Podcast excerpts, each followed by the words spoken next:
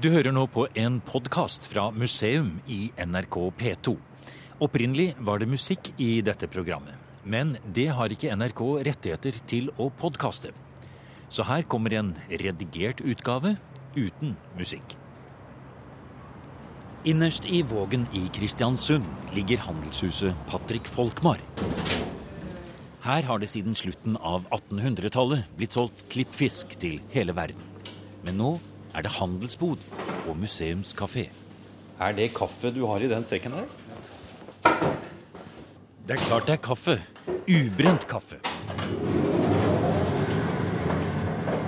Og nå starter Sverre Johan Svendsen fra Nordmøre museum den store kaffebrenneren som står midt i kafeen.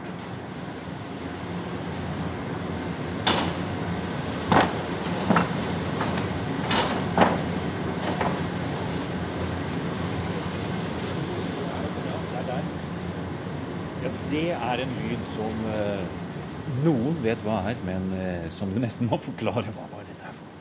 Ja, det var en eh, kaffebrenner og avkjøling av kaffen som foregikk. Kaffen er kommet ut av den kullfyrte brenneren, og så må den avkjøles. og Da setter vi i gang en stor roterende børste som vender og børser og snur, slik at kaffen fortest mulig og jevnest mulig blir kald. Vi er på et ekte kaffebrenneri, rett og slett. Ja, det er det. Et kaffebrenneri fra, fra 1870. Kullfyrt sådan, tysk produksjon, som ennå er i drift her. Da tenker jeg det blir en bra lukt her. Ja, det blir både lukt og os, og det svir litt i øynene. Og med en gang kaffen kommer ut, så avgir den til og med litt avgasser som ikke er helt gode, men de forsvinner relativt fort. da. Her pleier det å være fullt når dere brenner. Ja, det er pussig nok. Så må vi annonsere når vi brenner kaffe for vår egen eh, produksjon, fordi folk har lyst til å komme hit og oppleve både fyringen og lukta og avgassene og røde øyne holdt på å si, og tårer og hele, hele pakka. Det vil de ha som en opplevelse.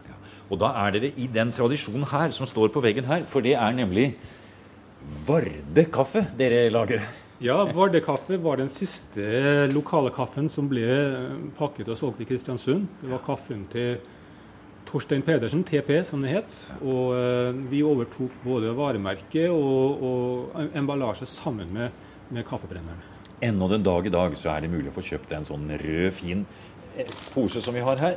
Det er ekte original eh, eh, ja, forpakningen, da. Ja. Og vi ser at det er jo Varden, og så er det en turgåer som sitter med en kopp kaffe, selvfølgelig, som han har kokt på bål sikkert. Og så en sånn bergansmeis ved siden av, og så ser han utover fjell og fjord. Ja, Det stemmer det.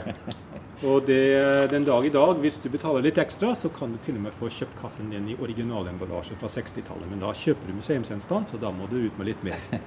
Men Svendsen, hvem er det som kommer og kjøper gammel kaffe og blir svidd i øynene og sitter her i, i lukt og damp, som du sier? Det, det må da bare være noen helt eh, spesielle mennesker? Ja, Det er faktisk eh, det som forbauser oss mest. Altså, vi har jo i en periode hatt et veldig sterkt innslag av håper å si, eh, folk som har opplevd dette før. Pensjonister og eldre kristiansundere og nordmøringer som, som kommer hit for å oppleve sin egen fortid. Men, men eh, det har også vært mer og mer et innslag av unge mennesker som aldri har opplevd dette, som kommer hit fordi det her kan de få oppleve noe av sin egen, eh, sin egen kultur, sin egen nære fortid, på en veldig veldig sterk og, og multisanselig måte. Du kan møte opp på byen, kledd i skaut og i klippfiskklær. Hun har salt under neglene, hun skal stå der i all slags vær. Stå og se på havna, se på folket som går forbi. Fish and Chips Band fra Kristiansund synger om klippfiskkjerringa. Nå står hun støpt i bronse på piren nede ved havna og minner om hva denne byen har levd av de siste 200 årene. I dag har Kristiansund sin bacalaofestival og har heldigvis tatt vare på både bryggeanlegg og kunnskap om klippfiskens storhetstid. Men hvorfor ble klippfisk så stort her på Nordmøre?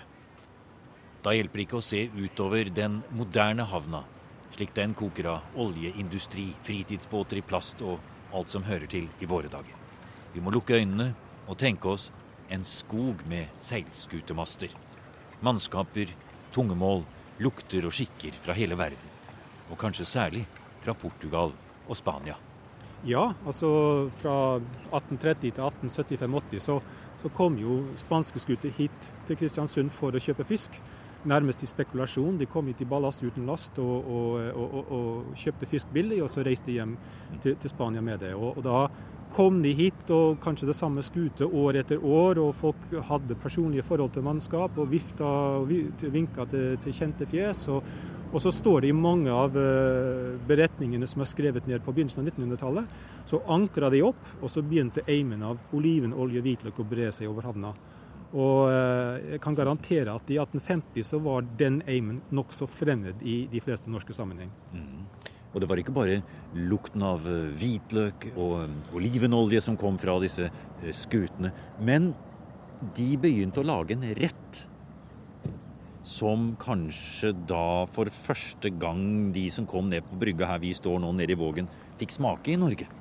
Ja, altså en av de klassiske måter å, å tilberede klippfisk på i Spania, det og Portugal og Sør-Frankrike, det er noe som heter bacalao la viscaina, altså torsk på biskaisk vis. Og det er det egentlig vi kaller i Norge for bacalao. Bortsett fra at vi har fornorska den med å tilføre poteter de fleste steder. Og, og, vi kan tenke oss at det kommer ei skute med kanskje dårlig betalte spanske matroser som har slitt i flere uker, kanskje måneder, for å komme hit opp. Vi vet av uh, kildematerialet at det de hadde om bord, var stort sett ris og bønner uh, om bord. Litt olivenolje, litt tørka tomat. Og Da kommer de hit med pakkhus full av ferdig tørka klippfisk.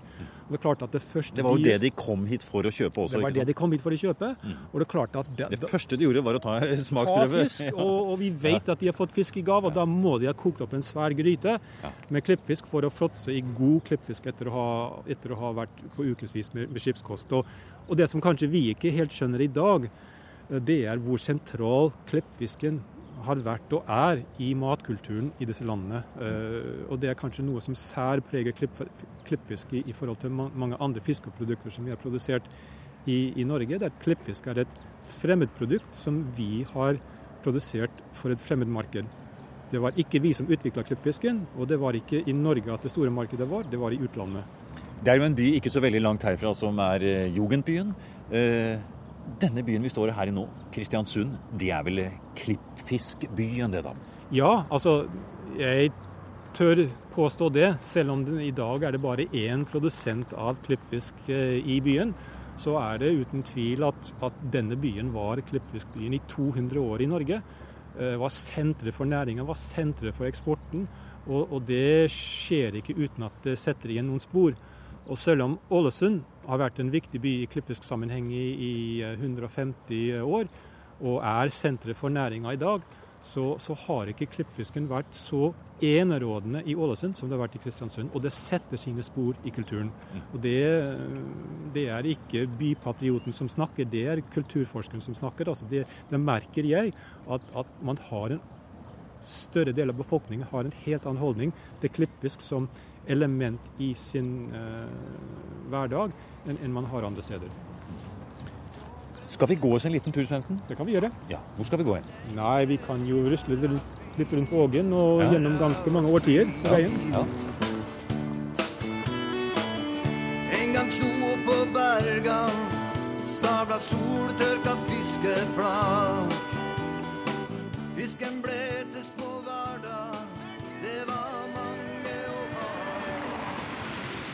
Det var vel en eh, tid på, på 60- og 70-tallet, og kanskje før det også, hvor Kristiansund var noe som hadde vært? Ja, Kristiansund var en, definitivt i en, i, i en, overgangsfase. Og, og eh, mista klippfisken. Og etter hvert så, så, ble det mindre oppdrag for skipsverftene, som var den andre bærebjelken i, i byen. Og, og det å, å, samtidig være så forutseende som de var, med å begynne tidlig for å jobbe for oljen, ja. som kanskje er det som har berga dem. At, at ja. nå er det det som skaper både velstand og, og håp i, i, i byen.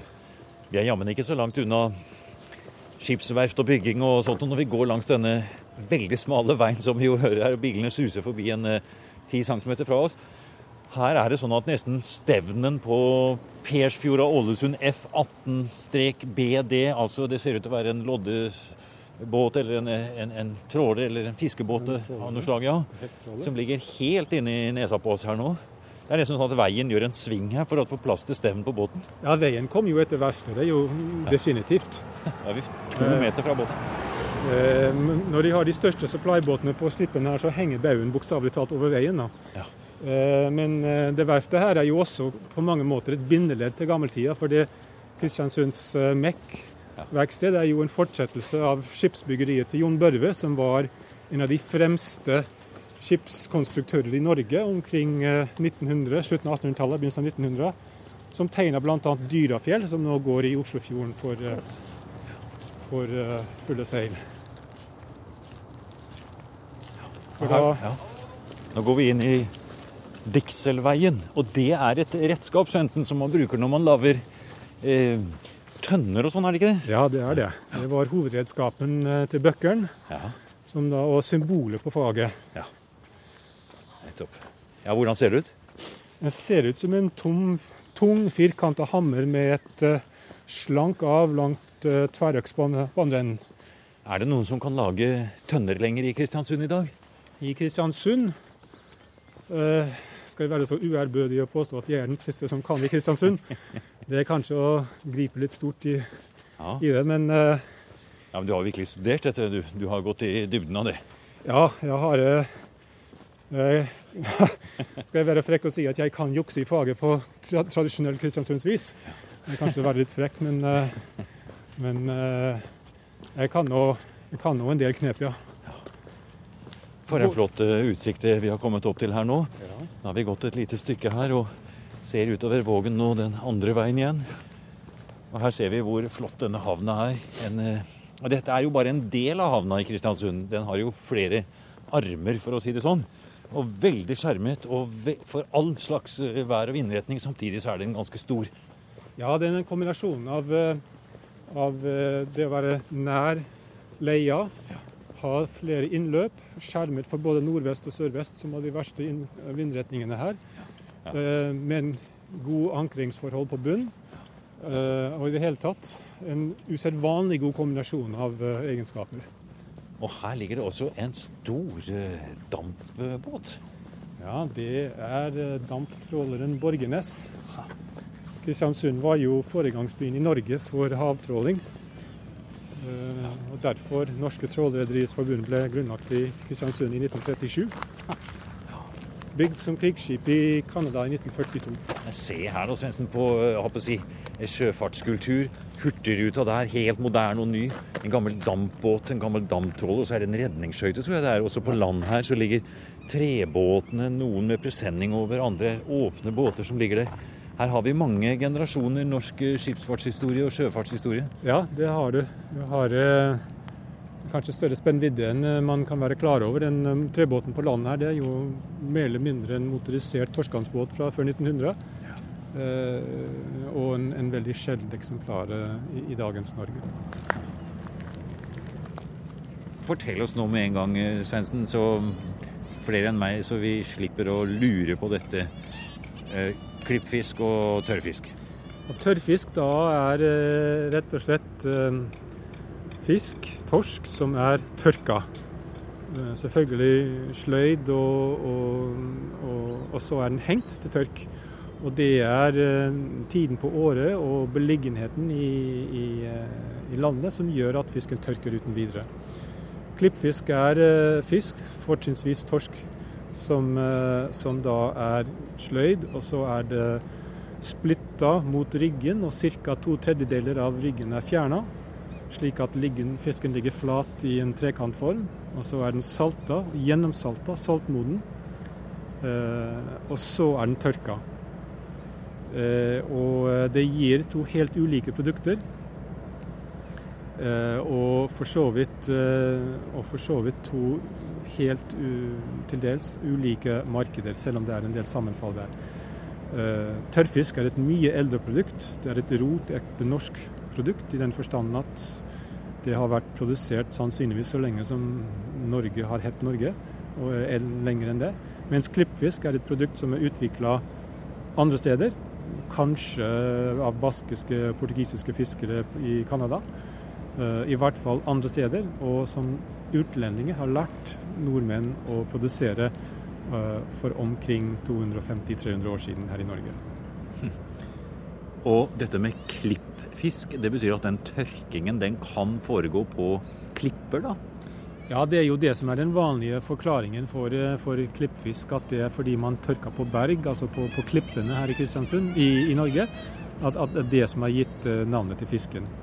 Uh, men, men, men, helt sikker er man ikke. Men man har ingen annen forklaring på det. Nei.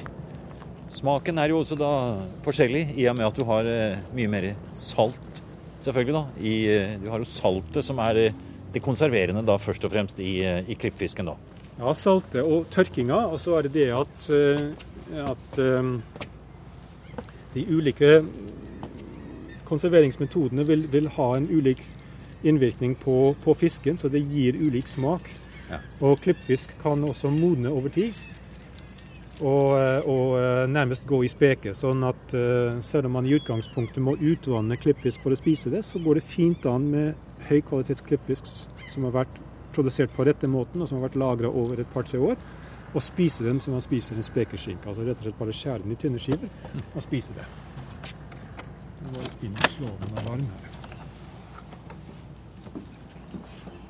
Nå går vi inn i Milnbrygga, en enorm trebygning i tre etasjer, hvor de eldste delene går helt tilbake til 1740-tallet. Hele dette anlegget står intakt, slik det var i klippfiskeksportens dager. Heldigvis for byens historie unngikk dette og noen få andre av de eldste trehusene ved Vågen de store ødeleggelsene da tyskerne nærmest utslettet hele bebyggelsen i Kristiansund under bombingen den 28. april 1940. Her er vi inne i en annen tid, altså. Her er vi det er sånne store binger til venstre for oss her. Og nå går vi inn, og vi hører hvordan det knaser under bena. Og det er jo selvfølgelig knaser jo i salt her. Ja. Dette er en saltbinge og, og, har vært brukt til det i uminnelige tider. Hvis du tar på veggen her, ja. Ja. vil du kjenne at den er å, klam og fuktig. og kald. Men det er så gjennom, gjennomtrukket med salt at den fukten den fører ikke til råte. Brygga her er så gjennomtrukket med salt at det faktisk virker både bakterie- og brannhemmende. Ja, for det har jo vært noen hundre år med Det var noe bra ikke dette her forsvant under krigen, da? Ja, det var jo pga. den isolerte beliggenheten at dette her ikke brant. da, Fordi den da var plassert på et område hvor det var veldig gunstig å legge til, men hvor det ikke var så naturlig å bygge rundt. For det var jo klippfiskberg rundt hele huset. Så det var nettopp det som førte til at, at det ikke brant her. Eh, og En av tingene som gjør at klippfiskproduksjonen blir eh, stort, det er nettopp dette at saltmonopolene som enkelte land hadde, brytes på 1600-tallet, sånn at salt blir både lettere tilgjengelig og billigere. Vi er jo rett inne i hele verdens eh, handelshistorie, nær sagt. Knyttet til byens primære produkt og til levebrødet til alle som bodde her i Kristiansund på 1700-tallet. Nemlig. Og vi er også i nesten direkte kontakt med med verdenspolitikken, fordi den konstruksjonen som vi står i nå, den sto rett bak en kanonstilling som engelskmennene bombarderte i 1808. Og ei nabobrygga ble så ramponert at den ble sammenbygd med den brygga her. Sånn at den veggen der, den var yttervegg, og her skal det finnes kulehull etter, eller merker etter britiske kulehull på andre sida. Og nå hører vi hvordan det, det brummer i Hurtigruta her som er eh, på vei ut. Og denne kontakten med kysten, også på begge sider av Kristiansund, var vel også viktig. Vi har jo snakket om kontakten utover i verden, men det er klart at hele omlandet rundt her, de leverte jo fisk hit. Ja, og uh, Kristiansund har jo vært, uh, vært, et senter for et veldig stort omland. Uh, en, en, lett definisjon av en bys omland er jo der hvor man sier byen og mener den byen. Og det omlandet har jo faktisk strukket seg helt opp til Nordland fylke for Kristiansund sitt vedkommende. Og man har på Enkelte har jo sagt at Kristiansund er Nord-Norges sørligste by. Eh, og med det ment at eh, forbindelsene til Nord-Norge og betydningen av Kristiansund eh, for Nord-Norge, og Nord-Norges betydning for Kristiansund, har jo vært veldig stor. Så, så det, det, omlandet til byen den har jo gått fra, fra Moldefjorden, altså nordover et godt stykke. Har du noe klippfisk her? Akkurat nå i øyeblikket så har jeg kanskje én fisk. Vi må jo se på én fisk.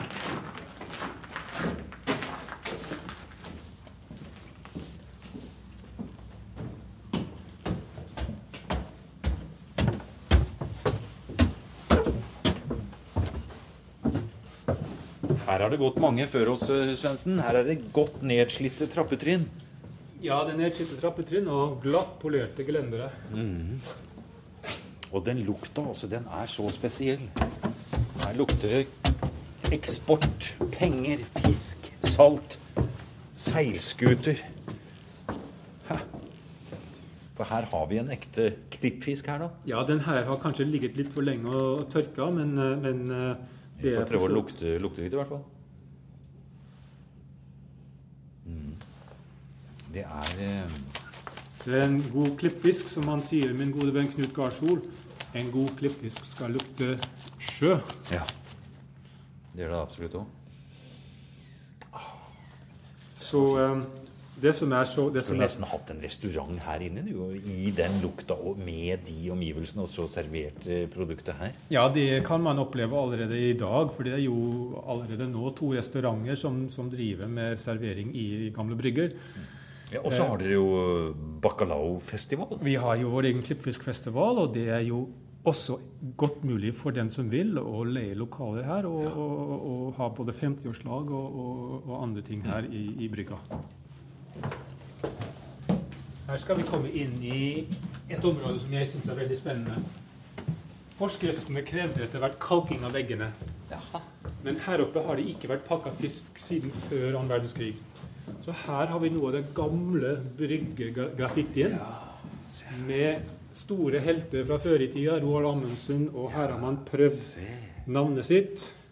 Og så For å få litt spennvidde så kan vi se på døra ved siden av. Og der står det Mona Monagrytt og Disco Fever. Men det står altså Mona Gruth, som du sier, og Disco Fever. Marianne, som det står osv. Ikke med håndskrift, det må vi jo fortelle. Ja, her har man laga en sjablong på ja. sjablongmaskinen som ja. står bort her. Ja.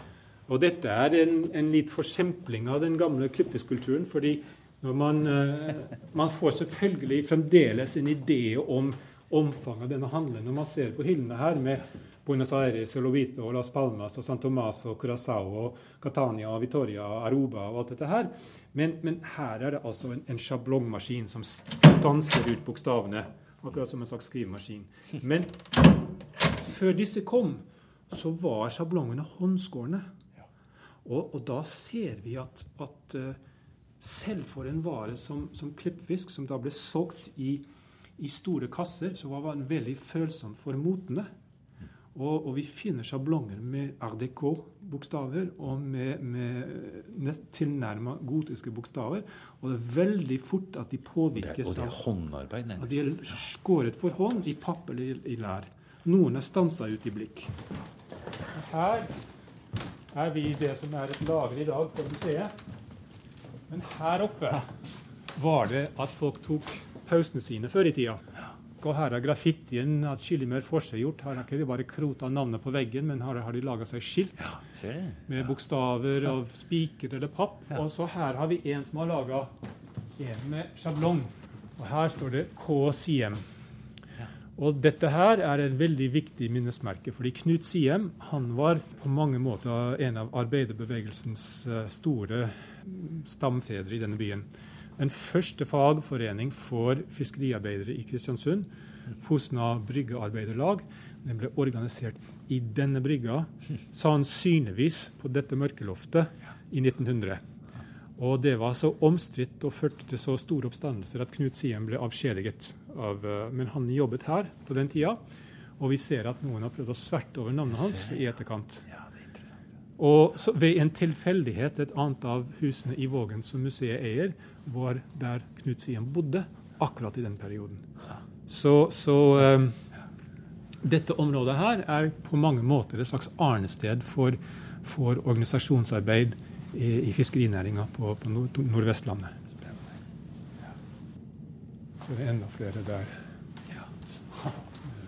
Jeg har, ikke, jeg har aldri fått tid til å gå over og rense. og det er, dette er sånn eh, bygningsarkeologi, nesten. dette her også. Ja, det er helt fascinerende. Altså, jeg, nå har jeg vanka i disse bryggene. Noen av dem har jeg vanka i, i 25 år. Og det er ikke en overdrivelse å si at jeg oppdager noe nytt hver eneste gang.